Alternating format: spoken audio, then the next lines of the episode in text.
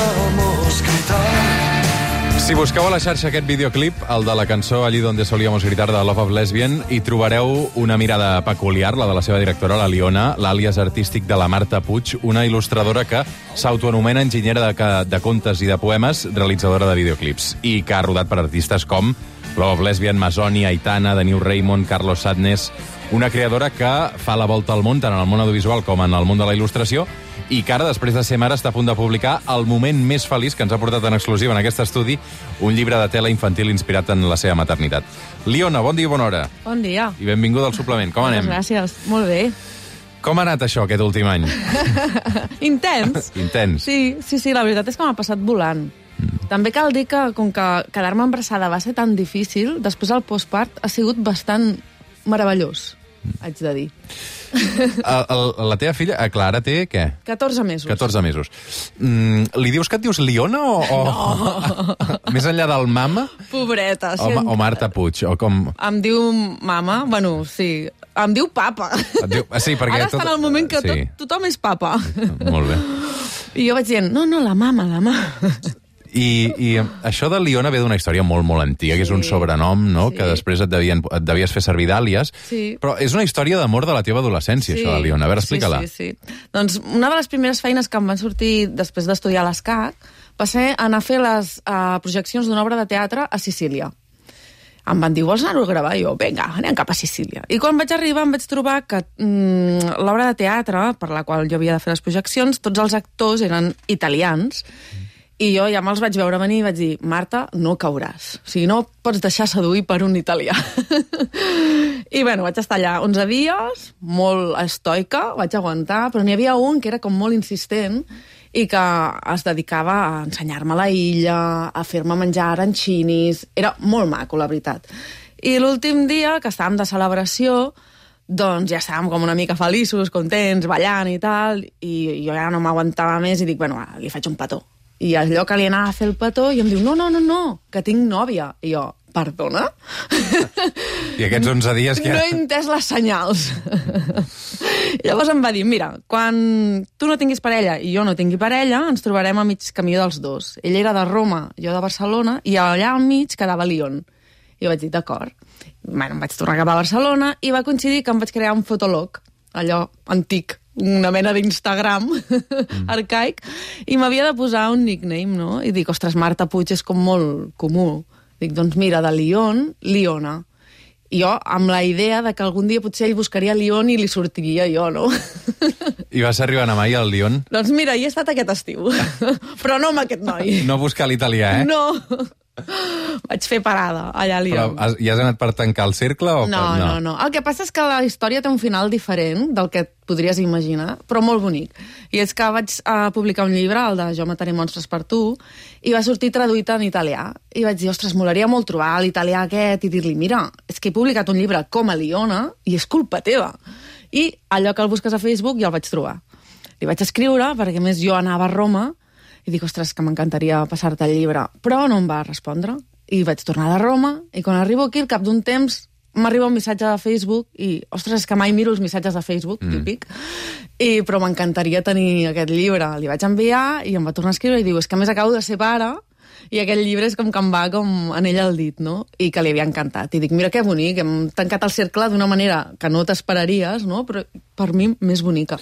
A través de la paternitat i la maternitat. Sí. Dius que et va costar molt um, mm. quedar-te embarassada, que va ser tan difícil que, sí. que després tot el que ha vingut ha estat molt fàcil. Mm. Clar, ara tens, crec, 43 anys. Sí. Mm, quan vas decidir que volies ser mare? Doncs, a veure, jo ho tenia clar des de sempre. El que passa és que per coses de la vida, com, bueno, de la feina, no tenir estabilitat econòmica, tenir un company de pis, aquestes coses, doncs sempre ho havia anat com postergant. I vaig començar a intentar-ho als 37, que llavors em van diagnosticar endometriosi, que és una enfermetat que afecta directament a la fertilitat. Uh, I llavors ja sí que va ser el, a partir dels 39, perquè em van dir prova-ho de manera natural, a veure si ja d'alguna manera t'hi quedes, no? I a partir dels 39 sí que ja vaig anar a, a una clínica de reproducció assistida I ja vam començar tot el, el merder de la, de la in vitro que a més em va enganxar amb la pandèmia pel mig, bueno, va ser tot un, una muntanya russa. Dius que et van diagnosticar endometrosi. No, no ho sabies que tenies això? No, vaig estar tota la vida anant a ginecòlegs. Perquè això el que et provoca és dolor a la regla, no? Dolor, un dolor. Jo tota la vida dient, és que em fa molt de mal, no ho aguanto, i sempre la resposta era, pren-te un ibuprofè. I, I va ser als 37, que a més em feia molt mal l'esquena, i va ser un traumatòleg fent-me una ressonància magnètica que em va diagnosticar l'endometriosi. O sigui, em va trobar el foco... A... I, I tu, més enllà del dolor que provoca aquesta malaltia, tu sabies que, que també um, dificulta la fertilitat? Sí, ho sabia gràcies a la Bet Rodergas i a l'Estel Soler, que... Que han fet públic que també, ho, que Sí. també tenen la malaltia, sí. I, i m'havia quedat molt clar que afectava la fertilitat. I això ho tenia superclar. I quan, per això, quan em van diagnosticar, el primer que vaig dir va ser podré ser mare? O sigui, era el que més em preocupava. Dius que també ha estat tot un merder el tema de fer-ho in vitro. Per què?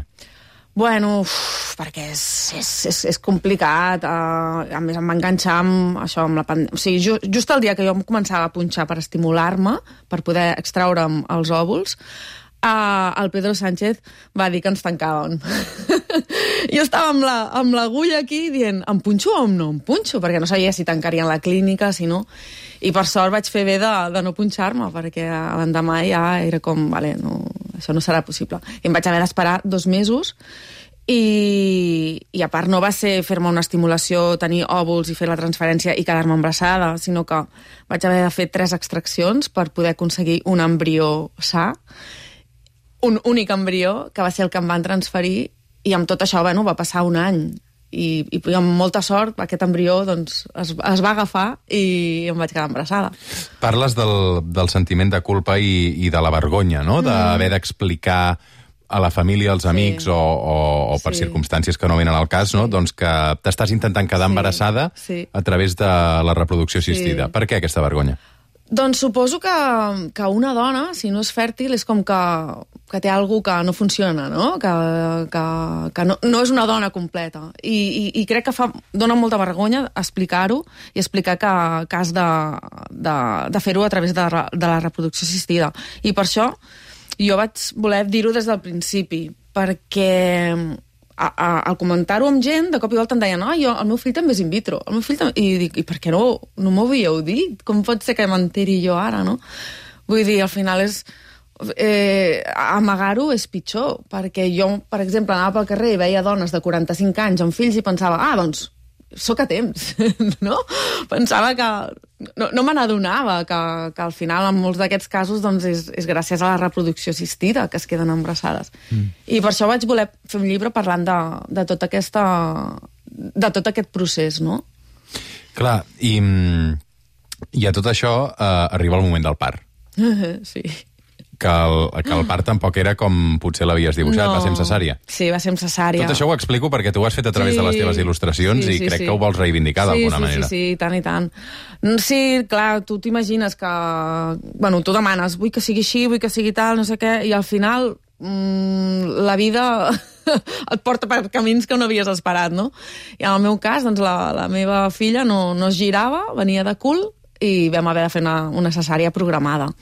Que també, clar, a mi me quan em van dir farem una cesària, i és molt fàcil, tal, pum, pum, pum, pues que m'imaginava que seria una cosa molt senzilla i ningú em va explicar de la recuperació que, que després tenia la cesària, no? Jo em vaig estar un mes que quasi no em podia aixecar del llit. I això, suma-li un bebè aquí enganxat, que li has de donar el pit, que l'has de cuidar, que l'has de netejar, i, ostres, mm, jo vaig al·lucinar bastant de, de que no, també que no, no se'n parla massa, no?, de la, de la recuperació que necessita. Va ser difícil. Sí, sí, sí, aquest primer mes va ser durillo, durillo. El que passa que no sé com treus energia de, de on sigui. Clar, estic pensant, uh, uh, tornant al tema de la in vitro, eh? això és un pressupost, també. Ui, tant. Sí, sí. Sí, sí, jo al final, o sigui, ho puc dir, eh? Em vaig acabar gastant 20.000 euros. Perquè, clar, no, no, no va ser un únic procés, em vaig haver de fer tres. 20.000 euros. Vull dir que són els estalvis d'u- d'una vida 20.000 euros uh, per quedar-te embarassada. per quedar-me embarassada. Sí, sí, sí, sí. El fet de fer-ho um, a través de la reproducció assistida, això ha fet que et sentissis sola? Sí, molt. Encara que estigués acompanyada, eh? Sigui, és que és molt difícil. Si, crec que si no, no has passat per un procés com aquest, és molt difícil de comprendre-ho. Et sents molt sola, molt incompresa, t'expliquen i et diuen coses molt dures. O sigui, jo me'n recordo estar un dia a la consulta que em van dir no, amb els teus òvuls no podràs ser mare. I em vaig quedar, dic, però, a veure, això m'ho podeu dir una mica millor? O donar-me després una mica de suport psicològic, perquè és que jo haig d'assumir que no podré ser mare tal i com jo volia ser-ho. Per sort, després, gràcies a la meva insistència, doncs vaig poder ser mare amb els meus propis òvuls, però, però clar, de cop i volta t'estan posant sobre la taula de que hauràs de fer-ho per ovodonació i que no et queda un altre, no? I, ostres, mm, és, és tot un procés, això. T'agrada David Bowie? Molt. sí, moltíssim. Per què? Doncs, bueno, gràcies als meus pares. El, el meu pare és molt malhomen i tota la vida a casa... Jo, jo recordo els diumenges de despertar-me amb música. I un dels seus músics preferits és David Bowie i em va portar... O sigui, el meu primer concert va ser un de David Bowie aquí al, al mini estadi i em vaig quedar fascinada per... És que, bueno, tenia un carisma descomunal. Put on your red shoes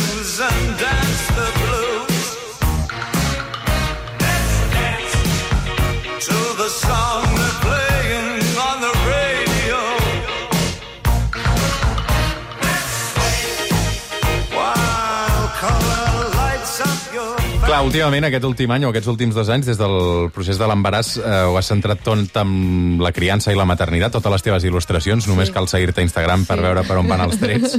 Però abans d'arribar a aquest punt, eh, els últims anys ho vinculaves tot molt a la sexualitat, no? Sí, que sí, és com sí, la fase sí. prèvia Sí. abans d'arribar-hi. um, aleshores, però clar, jo ja fa molts anys que et segueixo i i això no sempre havia estat així, no? Mm -hmm. Perquè tu, eh, o sigui, bueno, primer comences amb els videoclips, que. Sí. perquè vas estudiar cine, després Sí. comences a fer il·lustracions, Sí. i sí que hi ha un punt o un moment en què fas aquest viratge de moltes de les teves il·lustracions, mm. doncs retrates situacions molt quotidianes mm. vinculades al sexe, a la sexualitat, mm. relacions homes, dones mm. eh, i altres propostes. Mm. Eh, I tot això crec que neix del moment en què una vegada et regalen un vibrador. Sí. Què, va, què canvia? Sí, Què sí. canvia? Doncs que vaig, jo molt alegrement vaig ensenyar a, a una story que m'havien regalat un vibrador i vaig dir, ostres, és el millor regal que em podien fer.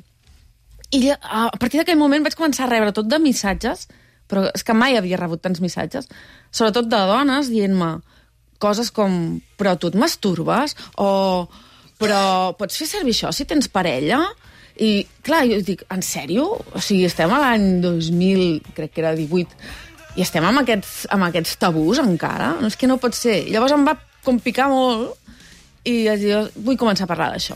Tota la vida també havia tingut com ganes eh, de parlar sobre sexualitat, perquè estudiant cine, per exemple, també me n'havia adonat que el cine que jo veia a les pel·lícules ai, el sexe que jo veia a les pel·lícules no era el sexe que jo vivia, saps? Que no se'm... Bueno, que no m'hi veia jo reflexada, no? Però Era idíl·lic o com? O... Bueno, era molt mm, molt vist des d'un punt de vista masculí, penso, no? De dir, mira, empotro la dona contra la paret, li baixo les calces i la penetro, vinga! I no és així. Vull dir, i, i, I en el sexe també hi ha humor, i, hi ha, i, hi ha, i pot ser desastrós, no, sí, no és idíl·lic, tampoc, no? I, I sempre havia tingut com les ganes de parlar d'això, però no havia trobat la manera. I de cop i volta la il·lustració per mi va ser com un format on, on podia parlar-ne d'una manera divertida també i de manera mm, bueno, que podia, mm, podia dibuixar escenes una mica pujades de to, però que no fos allò mm, molt evident, no? Tu vas rebre algun tipus d'educació sexual? Molt poca. O sigui, jo recordo l'institut que ens van explicar a posar preservatius. Ja està. Poca cosa. I després, bueno, sí, allò que t'expliquen com funciona la regla, com és el sistema reproductor, però però com, bueno, com molt pinzellades, no? I, I sobre sexualitat, res. Creus que les generacions d'ara és diferent?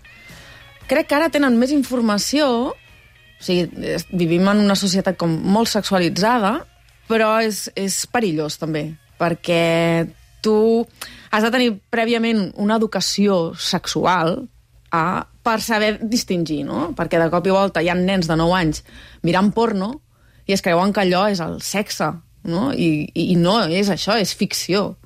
Uh, I llavors, clar, si tu abans no has tingut una educació sexual uh, i afectiva mm, més o menys uh, coherent, doncs de cop i volta veus allò i dius, ah, doncs és, ha de ser així, el sexe. I no. Què, què penses, per exemple, quan veus aquestes imatges de la setmana de tot això del Dembow en aquesta discoteca? Ah, no sé si ja. les has vist. Uf. O, o perquè, clar, això suposo que deu generar contradiccions, també, Sí, no? Unes imatges com aquestes, perquè dius, escolta'm, que facin el que Sí. vulguin, però a la vegada... Sí, és molt complicat. És que hi ha com una línia aquí molt fina, no?, de dir, vale, uh, elles estan empoderades i estan disfrutant del seu cos i està molt bé que ho fagin, però, per altra banda, estàs veient els tios darrere que encara tenen aquesta posició de poder, no?, cap a la dona, no?, de, que les estan allà dominant. Llavors, bueno, és, és difícil, és difícil. Jo em costa molt opinar sobre aquestes, aquestes situacions. Mm. Ara què, què dibuixes, què il·lustres? Doncs ara justament estic fent un llibre sobre fertilitat, com no, amb el doctor Carmona, que, mm. que també és especialista en endometriosi i, i estem fent un llibre conjuntament. Quants anys fa que... que, que és que no sé si he de dir pinta, dibuixa, il·lustres, com, com ho he de dir? Dibuixes? Clar. Sí, a mi m'agrada dibuixar. Quan, quants anys fa que dibuixes? A veure, tota la vida. El que passa és que així de manera com professional, diguéssim, des del 2011. Doncs ara farà 22 anys. Ai, 22? Què dic? No, 12. des de do- 12 anys. I et- t'hi pots guanyar la vida? Uh, bueno, has d'anar fent equilibrismes. Jo haig d'anar com fent diverses feines a la vegada per poder guanyar-me la vida, no? Si poguessis triar un artista a qui li dirigiries un videoclip, perquè que, clar, això dels videoclips, oh, sí. ara també... Vull dir, és un gènere que ha canviat molt, no? Perquè Sí. abans sí que hi havia superproduccions Sí. de l'hòstia i Sí. semblaven, doncs, Sí. pràcticament minifilms, Sí, no? sí, sí, sí. I, I ara eh, veus que fan un videoclip de- d'una castanya gravada amb un mòbil. Sí, exactament. Perquè inclús el videoclip de la Shakira d'aquesta última Sí, és, cançó, és no? un desastre, perdó, eh, però... No, no, bueno, per això t'ho pregunto. Jo el veig i em fa molta vergonya. Si poguessis triar un artista a qui li dirigiries un videoclip, El Jarvis Cocker. Sí. Bueno, si pogués seria el David Bowie, però clar, això ja ho tinc sí, no, complicat. això ho tens molt complicat, ja. I, i per exemple, eh, si, si, o sigui, un dia se't presenta a casa Shakira Ahà. amb la cançó de Bizarrap i et diu, escolta'm, Leona, vull que em dirigeixis al... al... Ai. Què, què, com m'haguessis il·lustrat? quin, quin em videoclip? costaria moltíssim, t'ho juro. Em costaria moltíssim. Quan una cançó no m'agrada, em quedo en blanc. O sigui, per mi una condició especial per fer un videoclip és que m'agradi la cançó. Si no, no puc. Em va passar una vegada que vaig voler fer un videoclip d'una cançó que no m'entrava i, ostres, vaig acabar muntant el videoclip sense escoltar la cançó. Uf. Però, i, I a tu t'agrada, per exemple, que, que la història que narra el videoclip no tingui res a veure amb la història? Sí. Perquè això es fa molt, Sí, no? sí a mi m'agrada. O sigui, de, O sigui m'agrada que- tot, eh? M'agrada que tingui a veure i m'agrada que no. Però jo no, no ho acabo d'entendre, no? Ja. Perquè, per exemple, si una, si una cançó explica una història, mm. que, que el videoclip Vagi per una altra, per una que altra no té banda. res a veure, no Sí, ho acabo sí, sí. d'entendre. I veig que a vegades molt la tendència és per aquí. Sí, sí. Ah, Jo la veritat és que m'agraden les, les dues opcions. M'agrada fer alguna com molt literal i que estigui uh, uh, mostrant el que estàs escoltant i per l'altra banda també m'agrada que eh, passi, passi de tot, no? Mm. Però aquesta cançó és que no m'agrada gens, ho sento. És que jo no sé si és el videoclip definitiu o realment n'hi ha d'haver algun altre Ah. més elaborat, perquè això sembla com la sessió que van fer allà mentre... clar. Però jo crec que ja no els hi val la pena, eh? Ja, ja Sí, no, no, la tenen amortitzada, Sí. segurament, la cançó. Escolta'm, Liona, moltes gràcies, molta sort. Uh, I, de moment, uh, pels que tenim criatures a casa, el moment més feliç és el primer llibre de tela, eh? Sí. pels més peques, però suposo que la gent per seguir-te um, d'entrada a Instagram, que és la teva plataforma de Sí. propaganda oficial, Sí. no? I després, doncs, si volen fer més coses que... Em trobaran a YouTube, a Ah, sigui, Facebook... on sigui. a- Um, moltes gràcies, Leona, molta sort. Gràcies. 5 minuts per arribar a dos quarts de 12 del migdia. Petita pausa i obrim avui una edició de Butxaca al Dominical. Fins ara.